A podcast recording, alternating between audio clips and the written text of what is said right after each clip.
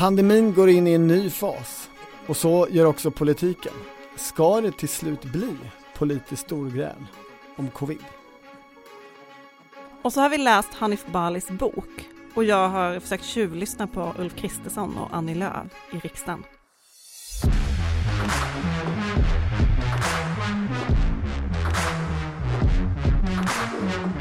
Det här är Politiken med Annie Reuterskiöld, Maggie Strömberg och Torbjörn Nilsson. Varje morgon så eh, säger vårt eh, yngsta barn till mig, vänder han sig till mig och frågar så här, är det corona idag mamma? Och då måste jag ju svara att ja, det är det. Och det svarar du varje dag? Det svarar jag varje morgon. Det är lite deprimerande. Men eh, det är ju väldigt mycket corona nu. Smittspridningen har ju varit rekordstor de senaste veckorna. Eh, sjukfrånvaron också på helt nya rekordnivåer. Vabbandet är dubbelt så högt som förra året och eh, detta beror också på att det är många i karantän och förskolor behöver stänga och det är svårt att få ihop det på många håll. Ja, så det är corona fortfarande? Det är corona men det är corona med en helt ny intensitet. Samtidigt så blir ju folk inte svårt sjuka i samma utsträckning och dör inte heller. Men väldigt, väldigt många blir sjuka, smittspridningen går jättesnabbt. Och det här förändrade läget har ju också lett till ett skifte i politiken. Mm. Jag vet inte om du har noterat detta, men det har man ju kunnat se de senaste veckorna att oppositionen har ju eh, fått en helt ny ton faktiskt. Man har ju faktiskt vänt nu från att kritisera regeringen för att göra för lite till att kritisera regeringen för att göra för mycket. Det är ju det liksom, stora övergripande skiftet som man ser hos flera partier.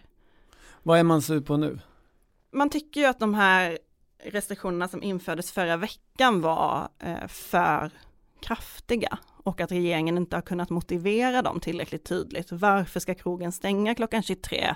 Vad är underlaget för att det påverkar smittan i det här läget? Mm. Det börjar också bubbla, som jag tror att vi kommer få se mer av resten av veckan här, en diskussion om eh, karantänsreglerna. Är det rimligt att man ska vara hemma en vecka om någon i familjen är sjuk, om man inte själv är sjuk. En ytterligare en, ett, liksom en ny diskussion är också hur länge ska det här klassas som en samhällsfarlig sjukdom? För i den stund man slutar med det så ändrar ju det både hur vården bedrivs men också ja, lagar och regler kring smittspårning bland annat. Ja, det har ju skett internationellt. Ja.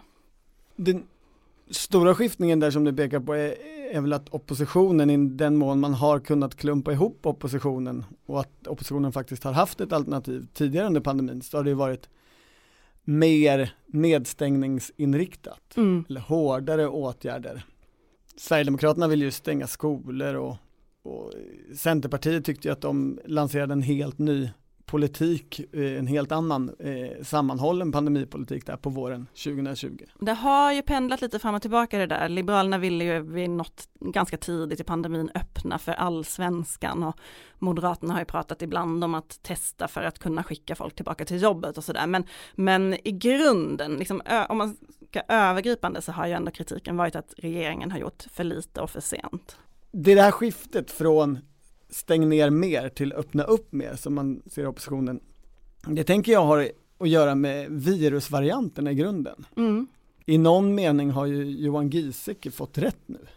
Ja men lite, för om man tänker hur han beskrev eh, smittan i allra första början, det som han har fått mycket skit för i efterhand, då sa ju han att det kommer gå väldigt snabbt, det kommer, många kommer inte ens märka att de blir sjuka, vissa kommer bli väldigt sjuka men, men många kommer då inte ens märka det och, och ganska snart kommer vi ha uppnått en flockimmunitet eh, eftersom smittan kommer liksom bara blåsa igenom befolkningen. Och sen blev det ju inte så, det spreds inte så snabbt och folk många blev ju väldigt sjuka, plus att man inte riktigt hade koll på långtidscovid och sådär. Men Nej, situationen nu är ju mycket mer lik det han beskrev. Ja, sen hade han ju tog fel för att han hade ju så att säga rätt beskrivning men till fel virus. Han, han beskrev ju eh, alfa-varianten av mm. det här viruset och sen dess har det kommit en delta-mutation och nu är vi i omikron och den eh, liknar det som Giesecke trodde att alfa skulle vara. I vilket fall så när man pratar med politiker nu så pratar de ju också annorlunda för att de pratar utifrån just det nya viruset, den nya virusvarianten. Mm.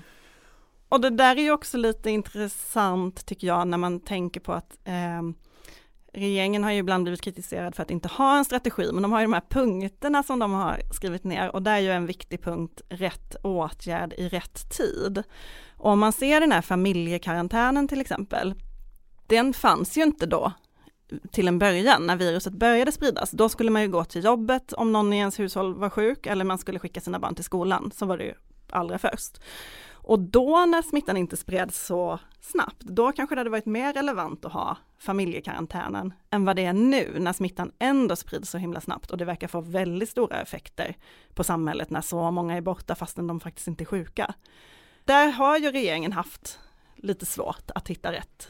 Absolut, och det är ju där Moderaterna har riktat in sin skarpaste kritik hela tiden. Det här fungerar inte, vi måste göra mycket mer tillämpa försiktighetsprincipen, se till att vi gör allt vi kan för att få vaccinationen så snabbt som möjligt på gång, lära oss av vårens misstag. Det är för sent och, och för lite eller fel åtgärd.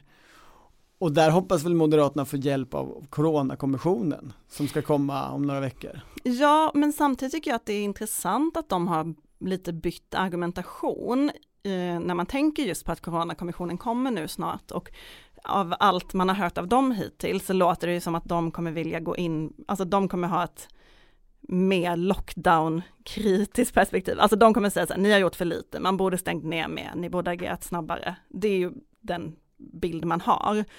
Nu i alla fall, sen vet man inte vad det kommer stå där. Men, um, och då tänker man att Moderaterna hade väl kunnat använda den mycket mer som en hävstång om de själva hade fortfarande legat kvar där snarare än att ha ställ, ställa sig på andra sidan av coronaskalan. Coronaskalan säger du. Coronaskalan är någon slags politisk skala nedstängning och öppenhet, tänker jag. Ja. Men eh, där partierna har Och nu liksom rör sig Moderaterna mot lite. någon slags öppenhet. Ja, och samtidigt så kan man väl se att, att det kanske inte heller, eller motargumentet mot det jag själv sa precis, är väl att eh, Moderaterna verkar ju väldigt inriktade på att allmänt slå mot regeringsdugligheten. Och det kan man ju göra genom att säga att ni har alltid haft fel, oavsett vad ni har gjort så har ni gjort det på fel sätt. Det låter som en typisk sak som moderater kan tänkas säga om socialdemokrater. Kan man säga något om hur regeringen reagerar på den här nya oppositionen då? Nej men de tycker ju i regeringskansliet när man pratar med människor där så upplever de ju dels den här eh, svängningen eller förflyttningen på coronaskalan, pandemiskalan. Men de tycker också det är ett, det är ett paradigmskifte, var det en person som sa, på vilket sätt eh, oppositionen bedriver opposition. Tidigare så har man, tycker regeringsmänniskorna, accepterat att det är experterna, det är Folkhälsomyndigheten som har bäst förmåga att bedöma vilka smittskyddsåtgärder funkar bäst. Nu går oppositionen in i detalj och kritiserar enskilda smittskyddsåtgärder.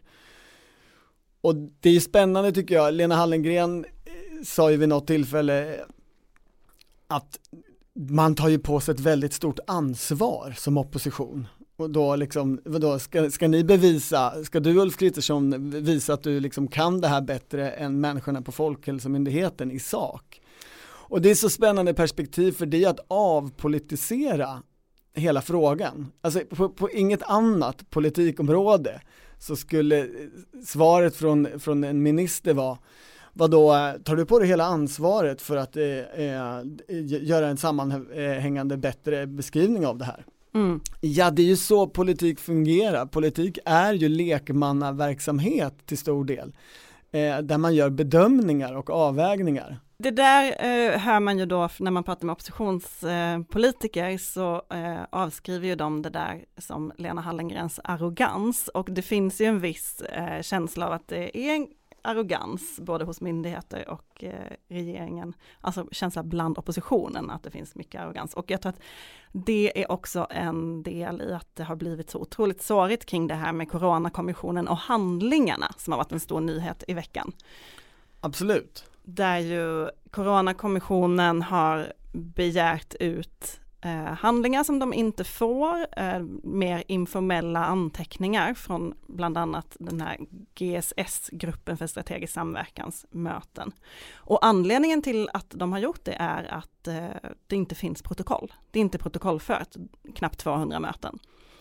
Eh, det här tycker man i regeringskansliet inte är något konstigt för att det var bara information och avstämningsmöten säger man medan eh, oppositionen är mycket upprörd. Det är en väldigt bra dramaturgisk eh, berättelse där, mörkläggningen. Mm. Eh, det finns också roliga ord. Som, det finns något som heter de, hem, de svarta böckerna. Det tänker jag i alla fall låter enormt eh, hemligt och spännande. Är det inte där man har telefonlistan på människor man kan ringa om man behöver sällskap? Nej, det, det, det, är de opolitiska tjänstemännen som skriver i en viss typ av anteckningsbok som regeringskansliet har köpt in i stora mängder för att de är billiga. Mm. Och de har en svart eh, omslag. Men när jag först hörde om det så tyckte jag att det funkade otroligt bra i den här spiontrillen om mörkläggningen av den stora pandemin att Mats Melin aldrig kommer få reda på, och, eh, alltså han som leder Coronakommissionen, aldrig kommer få reda på vad det stod i de här svarta böckerna. Man förstår när man läser eh, mejlväxlingen mellan kommissionen och eh, regeringskansliet att det här han, egentligen är de ute efter särskilda anteckningar som de vet har förts av en kanslichef och det är det de inte får ut. Så jag tror inte det handlar om eh, random dagbok från eh, junior tjänsteman som vill, har skrivit om sina upplevelser i regeringskansliet, även om vi alla gärna skulle läsa dem. Men ehm, det finns också ett perspektiv här som är att det ju har rått en viss konflikt, på, eller kanske konflikt är att ta i, men eh, som, var, som vanligt i regeringskansliet är det ju konkurrens mellan departementen. Och GSS har ju legat un, på justitiedepartementet, ansvarig statssekreterare har varit Elisabeth Backteman, som nu har slutat eftersom han har organiserat om i den senaste regeringsbildningen organiserade man ju om det här. Men, um, och hennes hon, chef hon, då var Mikael Damberg ska vi kanske säga också. Ja, hon har ju då varit ansvarig för GSS och krishanteringen i någon slags formell mening. Men samtidigt har ju eh, det allra mesta skett på socialdepartementet som har haft Folkhälsomyndigheten som har varit den viktiga myndigheten. Justitiedepartementet har ju MSB och mellan dem har det ju uppenbarligen också varit, alltså mellan myndigheterna också varit en del konkurrens under den här pandemin. Så pratar man med vissa i regeringskansliet tycker de ju att de här GSS-mötena har varit lite som ett sätt för justitiedepartementet att hålla sig upptagna, typ att ägna sig åt något medan de har gjort det riktiga jobbet. Det är ju spännande där med departementskonflikterna. Eh, Hösten 2020 så, så, skrev vi en text du och jag när vi jobbade på Expressen som handlade om, eller vi kallar den för mörkret. Mm. Det var en artikel som handlade om att i regeringskansliet så var det många eh, människor som gav uttryck för eh, bilden och deras perspektiv av pandemin var att det aldrig skulle ta slut. Man skulle all, vi skulle aldrig komma till en punkt där samhället fungerade som vanligt igen, som man, det hade gjort innan pandemin. Man kommer aldrig låta sina gamla föräldrar passa en snoriga barn igen, som någon till exempel, sa då. Sa någon. Ja.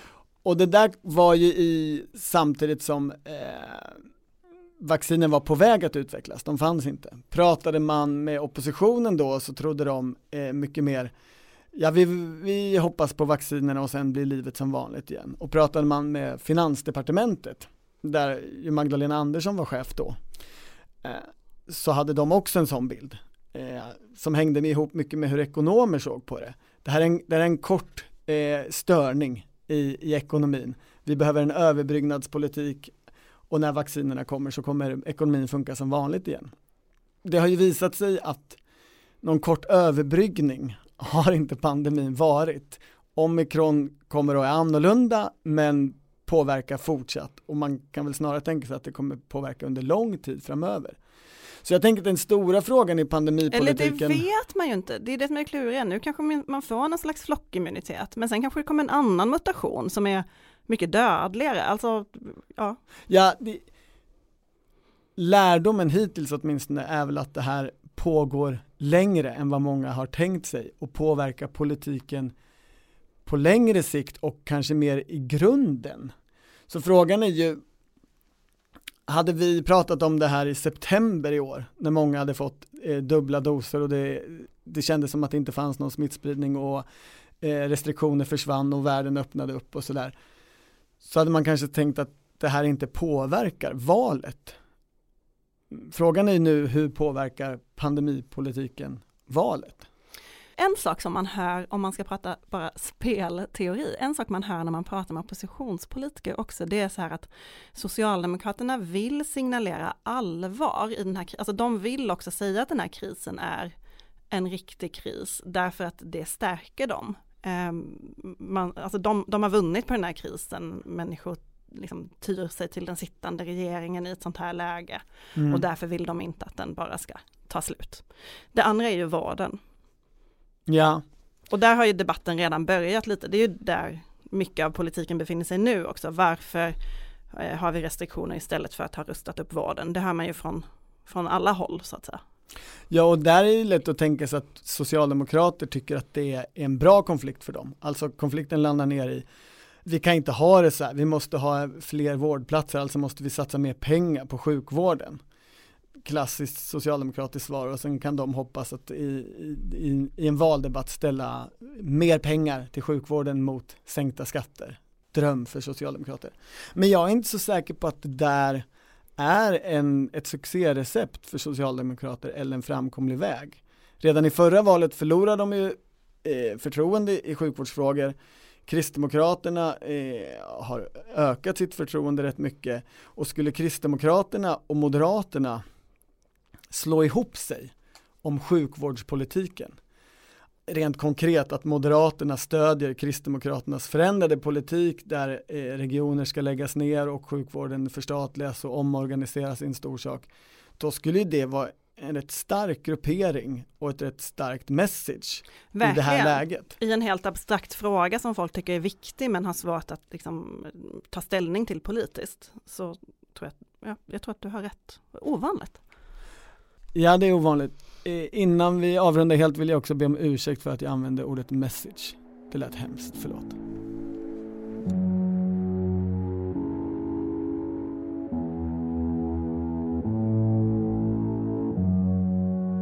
Nej, nej, nej, nej. Nej, nej, nej, nej. Så går det inte till. Välkommen till verkligheten. Hanif Bali, moderat politiker, har skrivit boken Mina nio liv. I samband med att han lämnar politiken. Han ska ju faktiskt kandidera lokalt har han sagt, så att han lämnar inte politiken. Men eh, han eh, lämnar riksdagen, eller han kandiderar inte om till riksdagen. Vad är det här för bok? Ja men vad ska man säga att det här är för en bok? Alltså det är ju en kombination av en uppväxthistoria och en liksom, politisk pamflett på ett sätt, eller en eh, kanske inte det heller, men det är liksom väldigt mycket Hanifs världsbild som man eh, får. Mm. Eh, ganska lite eh, vilket förvånade mig, alltså ganska lite Moderaterna, eh, jag tror inte ens han nämner Anna Kinberg Batra, Ulf Kristersson är knappt med, eh, väldigt lite av det han faktiskt har åstadkommit politiskt också, det är mycket mer vad han har åstadkommit som debattör. Mm. Alltså hur synlig han har blivit. Det är en väldigt rolig bok. Ja, på vissa sätt ja. Eh, den är sorglig också tycker jag. Det beror på vad man Vad tycker du är sorgligt? Men det är ju en, en, eh, det är en sorglig uppväxtskildring. Det beskrivs ju att han dessutom är självmordsbenägen vid ett tillfälle under den här, eh, när han är anklagad för det här olämpliga beteendet mot en yngre partimedlem. Mm. Det finns ju mycket svärta också. Ja det finns det. Alltså den här boken skulle ha kommit mycket tidigare och sen den skulle kommit i princip samtidigt som den där nyheten briserade i höstas. Eh, och då skrev han till ett kapitel till som boken inleds med, där man egentligen inte får veta så mycket. Man får veta hur partiet hanterade det och hur han mådde, men man får inte veta någonting om själva händelsen, där han valt att inte berätta. Nyheten om att Hanif Bali anklagades för sexuellt olämpligt beteende? Eller ja, var... och det rörde sig specifikt, eller det som undersöktes av polisen var ju eh, så här sexuell posering, eh, som det väl kallas och man la ner den undersökningen. Men, eh, men, men jag undrar om boken har har ändrats på fler sätt sedan dess. Alltså eh, på vissa sätt får man känslan att den är lite återhållsam tycker jag. När man vet hur Hanif Bali brukar uttrycka sig mm. eh, i, i beskrivningarna av han själv och hans liv tycker jag. Så jag, jag slogs av tanken, undrar om, om det där också gjorde att han plockade bort andra saker som kanske skulle Ingen aning om det. Det var bara en, en, en tanke som slog mig. Var det något som överraskade dig i boken? Men mycket är ju sånt som han har berättat om tidigare, men jag blev ganska överraskad ändå att han berättar, han beskriver om när Gunnar Strömmer kommer hem till honom under den här då krishanteringen för att be honom att eh, avgå. Och då skriver han i en bisats att eh, han eller, ja, han berättar att han brukar sitta och fika på Gunnars kontor eh, och gå igenom det politiska läget, partiets strategier och vad Hanif kan hjälpa till med. Det förvånade mig väldigt mycket för bilden han själv brukar ge och som han ger i resten av den här boken är ju att han verkligen är i en frysbox där partiet eh, vill liksom, ge honom så lite uppdrag som möjligt, vill liksom, ja, där han har blivit bortplockad då från allt efter diverse skandaler. Men att sitta på partisekreterarens kontor och prata om politisk strategi och det politiska läget låter inte riktigt som att man är i en frysbox alltså. Nej, och på samma sätt är det ju lite i berättelsen om vad gjorde Hanif Bali stor? Det, många beskriver gärna honom som en unik eller en typisk för vår tid politiker för att han har blivit stor utanför de normala eh, partikarriärvägarna och sådär. Alltså han fick massa följare på sociala medier och blev en person, stor person och personlighet på det och, och fick liksom kraft och makt tack vare det. Det är ju i någon mening sant, men tittar man på vilka moderater han pratar om i den här boken så är det ju så är hans hemhörighet i Niklas Wykman-falangen så enormt stark. Mm. Och det är där han har hela tiden fått hjälp i de traditionella kanalerna och karriärvägarna. Han nämner ju en Gustav också flera gånger, eh, som ju är Gustav Drogge som är eh, kanslichef hos Irene Svenonius i Region Stockholm. Det är ju liksom inte heller en lättviktig maktbas om man Nej, säger så. Nej, och det, och det är ju mång, det är ju också en, en Wykman-falangist får man säga. Eh, det, det är ju det är ju en maktsfär i Moderaterna som Hanif Bali hela tiden har varit del av men som han inte riktigt vill skylta med att han är del av för han vill hellre vara en solitär ensam riddare mot alla galna vänstertroll på internet. Han, han berätt, skriver ju mycket om sin bakgrund och det har han ju berättat om tidigare men det är ju ändå, tycker jag, när man läser det liksom otroligt eh, bara ja, jag, jag, kan inte ens hitta rätt ord om det är så dramatiskt, men alltså när, att han då är uppvuxen i den här oppositionssekten, får man väl kalla det, i Iran, mm. folkets eh, Mujahedin. Och att han, när han kommer till Sverige, då hela tiden blir placerad hos människor med den bakgrunden. För att liksom Eh, att han ses som deras barn på något sätt av svenska myndigheter också. Och det här är ju då grundsveket i hans liv på något sätt. Det här, det här påverkar ju så otroligt mycket av hans politiska gärning fortfarande idag, förstår man. Eh, men det är liksom svindlande när man läser det där. Man undrar verkligen hur mycket sånt här, hur, hur, ser det där ut idag? Hur mycket av det här pågår idag? Han skriver lite om det själv och tar upp den här lilla hjärtat historien till exempel. Men det är ju egentligen något helt annat än idén att du ska bo med dem liksom vars övertygelse stämmer överens med dina biologiska föräldrars övertygelse. Det är ju Eh, Ja, hans skildring är ju att sekten hela tiden lurar svenska sociala myndigheter eller att sekten gör det lätt för sociala myndigheter att bli av med ett problem. Ja. Just i det här, det här barnet som vi behöver placera någonstans. Och att här finns det ett grundläggande problem i hela integrationspolitiken. Så man förstår ju att han har en bergfast övertygelse kring integrationspolitiken utifrån de här egna erfarenheterna. Men man förstår ju också hur enormt starkt det har påverkat hans syn på utrikespolitiken. Och att det är väldigt emotionellt laddat på ett sätt som utrikespolitik inte alltid är för alla politiker. Eh, han tycker kort sagt att den här Carl Bildtska idén om att vi handlar med diktaturer eller hemska länder och så får de lite, eh, så, så kommer vi, har vi ett utbyte och så blir det mer frihet och snart är de demokratiska och älskar marknadsliberalism och sådär. Den funkar ju inte för Hanif Bali för att han har de här erfarenheterna. Han kan inte tro på det. Så, så läser jag boken. Annars är det ju väldigt mycket som handlar om just kommunikation och debattteknik. Och han pratar ju om, om eh, begreppet sant och sannolikt. Ja det tycker jag är det typ bästa. Jag, skulle, det, jag hade tänkt att jag skulle läsa det. Han, han beskriver så här, vid något tillfälle så eh, pratar han för någon. Eh, jo, han, förlåt. Han är i Tanzania. Där introduceras han som Wizard of Internet. Eh, och så skriver han, jag drog i alla fall samma saker som jag brukar dra för mina svenska retorikelever. Man får gissa att retorikeleverna mest är muffare. Mitt inpass. Fortsätter citera nu. Skippa det som är sant, men inte sannolikt, för ingen kommer ändå att tro dig.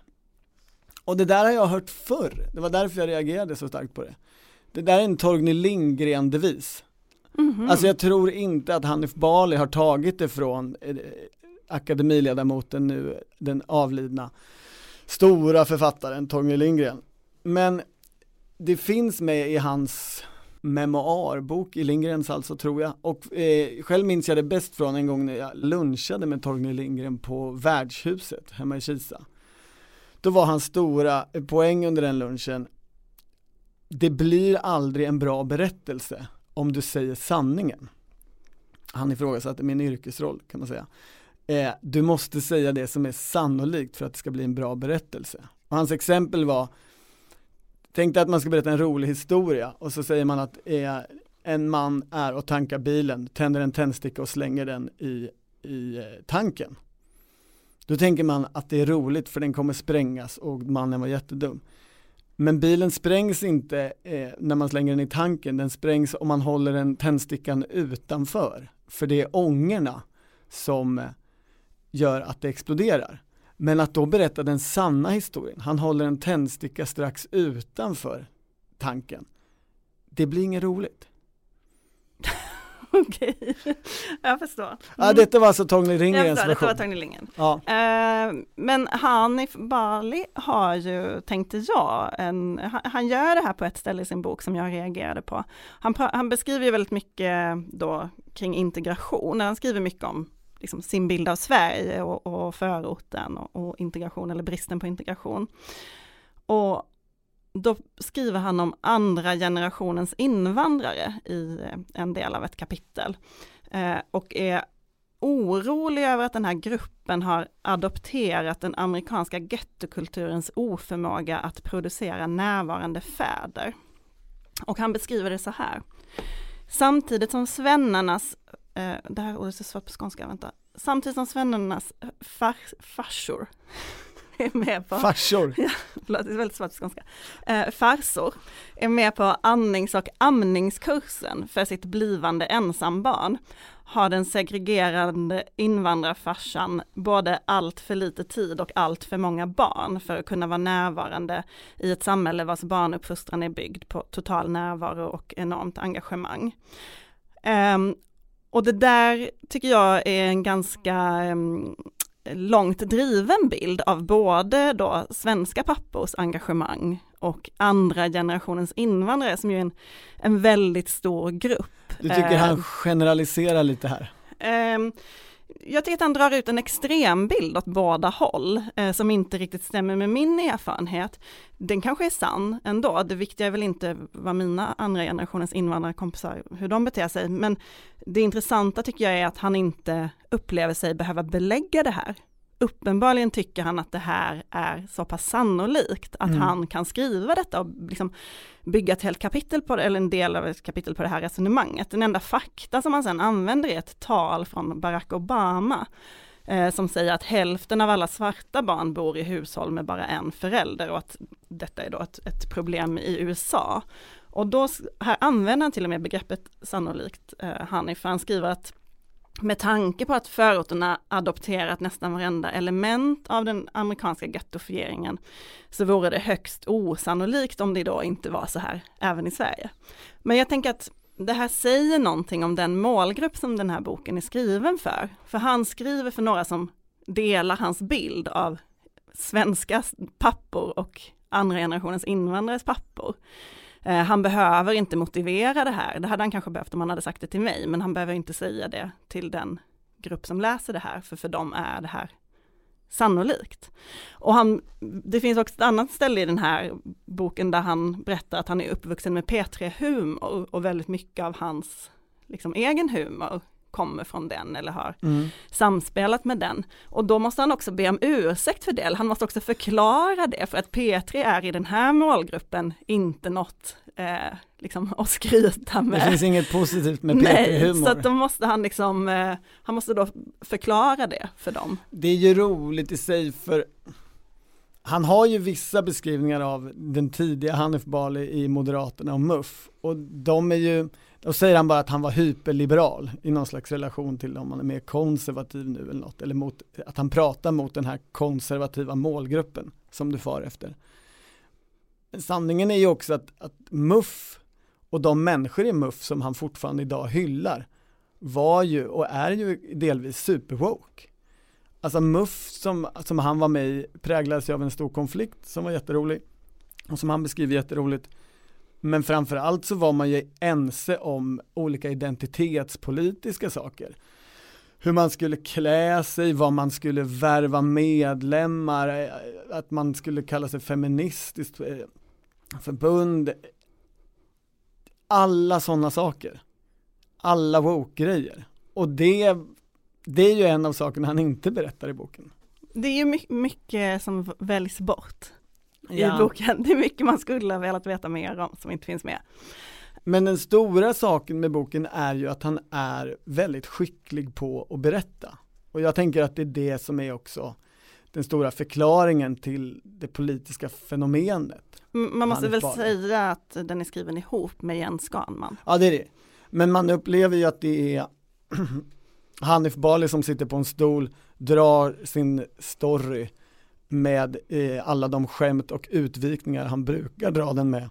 Alltså om man har pratat med Hanif Bali så vet man att det tar ju rätt lång tid eh, för många utvikningar eh, och så vidare. Han är väldigt bra på, på att dra eh, story och Jens Ganman har liksom skrivit ner den.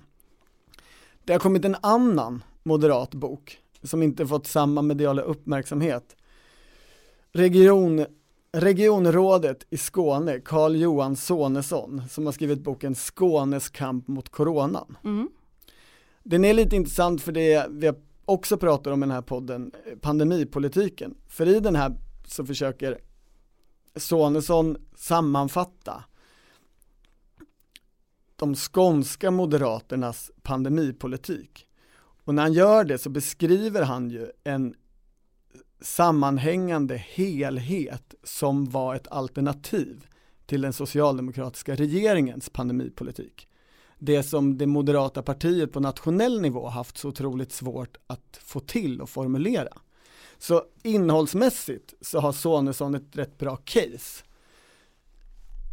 Men det är en så tråkig bok så ingen kommer någonsin bry sig. Eh, okej, några i Skåne absolut. Men den här boken kommer inte göra något större avtryck tror inte jag. Medan Hanif Balis bok förstås kommer göra det. Den kommer sälja, folk kommer prata om den, den kommer recenseras, det gör den redan nu på kultursidor och sådär. Och på ledarsidorna. Och det beror ju inte på att Hanif Bali har varit en, en större politiker än Karl Johan Sonesson, utan att han varit en helt annan sorts politiker. Han har ju varit som Karl Johans bror, Christian Sonesson, Karl Johansson är den, i Staffanstorp. Ja. Eh, Karl Johan är ju eh, den lite lugnare store brorsan. Men eh, Vilk, vilken sort är bäst? Det beror väl på vad man vill göra. Vill man, alltså det är väl det som faktiskt tycker jag är det mest intressanta med Hanifs bok som jag sa innan, att han han har ju verkligen flyttat Moderaterna i migrations och integrationspolitiken och haft en väldigt stor påverkan där. Men det berättar han ju inte om i den här boken, utan han berättar ju mycket mer om hur det var att bråka mot alliansfritt Sverige på Twitter. Um, det beror väl på vad man, vad, vad man vill uppnå. En rätt intensiv vecka. En rätt intensiv vecka. En rätt intensiv vecka. Veckan, veckan, veckan. Jag måste bara berätta en sak. Det är ju fortfarande, vi pratade om säkerhetspolitik i förra veckans podd mm. och det är ju fortfarande ett, ett, väldigt stort ämne förstås. Um, men det har pratats en del om att uh, Ulf Kristersson och Annie Lööf skrev en debattartikel ihop i Svenska Dagbladet uh, där de ju krävde att regeringen skulle ta mer hänsyn till oppositionen eller göra en mer gemensam sak med oppositionen i säkerhetsfrågan. Och det var roligt för att jag, när det var partiledardebatt i onsdags så satt jag uppe på läktaren och lyssnade på slutet av den efter att vi hade spelat in podd och då ställde sig, liksom, när debatten var slut, så ställde sig Ulf Kristersson och Annie Lööf tillsammans och började prata väldigt förtroligt. Och då slogs jag av att... Närmast det, intimt? Ja, de stod väldigt nära varandra. Ulf satte på sig munskyddet efter ett tag, eh, vilket ju var bra eftersom Annie då hade covid. Fast det hade ju Ulf precis haft. Men i vilket fall, jag blev liksom, jag insåg att jag inte sett dem på det där sättet på flera år. Eh, och drabbades då av liksom akut nyfikenhet. Jag måste veta vad de pratar om. Det är ju också spännande för att många moderater och centerpartister beskriver ju när man frågar dem, finns det någon möjlighet någon gång i framtiden tänker ni att ni någonsin skulle kunna ha med varandra att göra eller respektera varandra? Då säger de ju att det är en personkemifråga. Precis. Mm. Så jag springer ner från läktaren, läktaren är uppe på sjunde våningen och de är på femte våningen. Eller de... Springer du eller åker du egentligen hiss? Eh, alltså jag skulle ta hissen, men sen så var det något fel på hissen eller för trångt eller för mycket folk. Så jag tog trapporna till slut. Dramatiskt beslut där. Kommer ut. Ja. För att väja för Ebba Busch med stab som står och viskar om något som också lät jättespännande, men inte lika spännande som vad pratar Ulf och Annie om? Mm. Eh, och där står Annie Lööf omringad av liksom alla journalister. Jag bara, ah, gud nu måste jag stå och vänta jättelänge innan jag kan ställa den här frågan och så vet man inte, det kanske hon inte ens vill svara på. Sen kommer Ulf Kristersson släntrandes och står och pratar, fnissar lite med sina pressekreterare. Eh, så då gick jag bara till honom istället. Och då svarade han att jo men de pratade säkerhetspolitik och NATO i, när de stod i sitt förtroliga samtal. Och sen så tittade han på mig och så sa han så här, du vet, jag kan ju prata med alla partier i riksdagen och det gäller även centerpartister. Och det här var alltså innan den här gemensamma debattartikeln kom? Precis, sen kom debattartikeln och det som är spännande med den är ju att det bara är att Ebba inte är med, att Nyamko inte är med. Ja men framförallt, det du säger nu är att du avslöjade ögonblicket när de bestämde sig för att skriva den här gemensamma debattartikeln. När de började prata med varandra i alla fall. Möjligen så var det inte exakt där de tog beslutet, det vet jag inte. Men jag har frågat lite, jag har luskat runt lite om så här, varför skrev bara de två? Och då fick jag höra från moderat håll att Moderaterna tycker att det finns en poäng med att väldigt tydligt visa att man inte vill då partipolitisera det här och göra det som alliansen mot Socialdemokraterna. Och att det finns en viss frustration hos just moderater med att man tycker att regeringen är för liksom, partipolitisk i de här frågorna och att Peter Hultqvist är en för eh, partipolitisk försvarsminister. Alltså man går och irriterar sig på de här krönikorna han skriver där och han liksom pratar om Sverigedemokraterna och sådär. Jag fattar, men det, det där kan ju moderater få säga, men det är ju ändå så att de valde att ignorera ett antal partier som skulle kunna skrivit under det där och att man hade fått en ännu större enhet. Jag pratade med en kristdemokrat häromdagen som suckade och bara, ja, man får väl inse att Moderaterna, vi kan liksom inte sitta och vänta på att Moderaterna ska göra det vi tycker ska göras, alltså namn, gå ut och namnge vårt gemensamma regeringsalternativ och närma sig Sverigedemokraterna ännu mer, underförstått.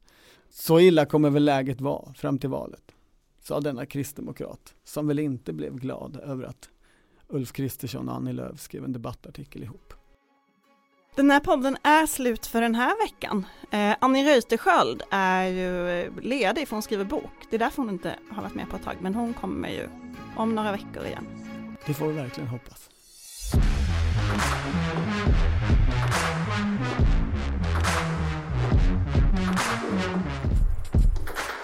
Du har lyssnat på Politiken, en podd från Svenska Dagbladet. Ansvarig utgivare är jag, Anna Kareborg.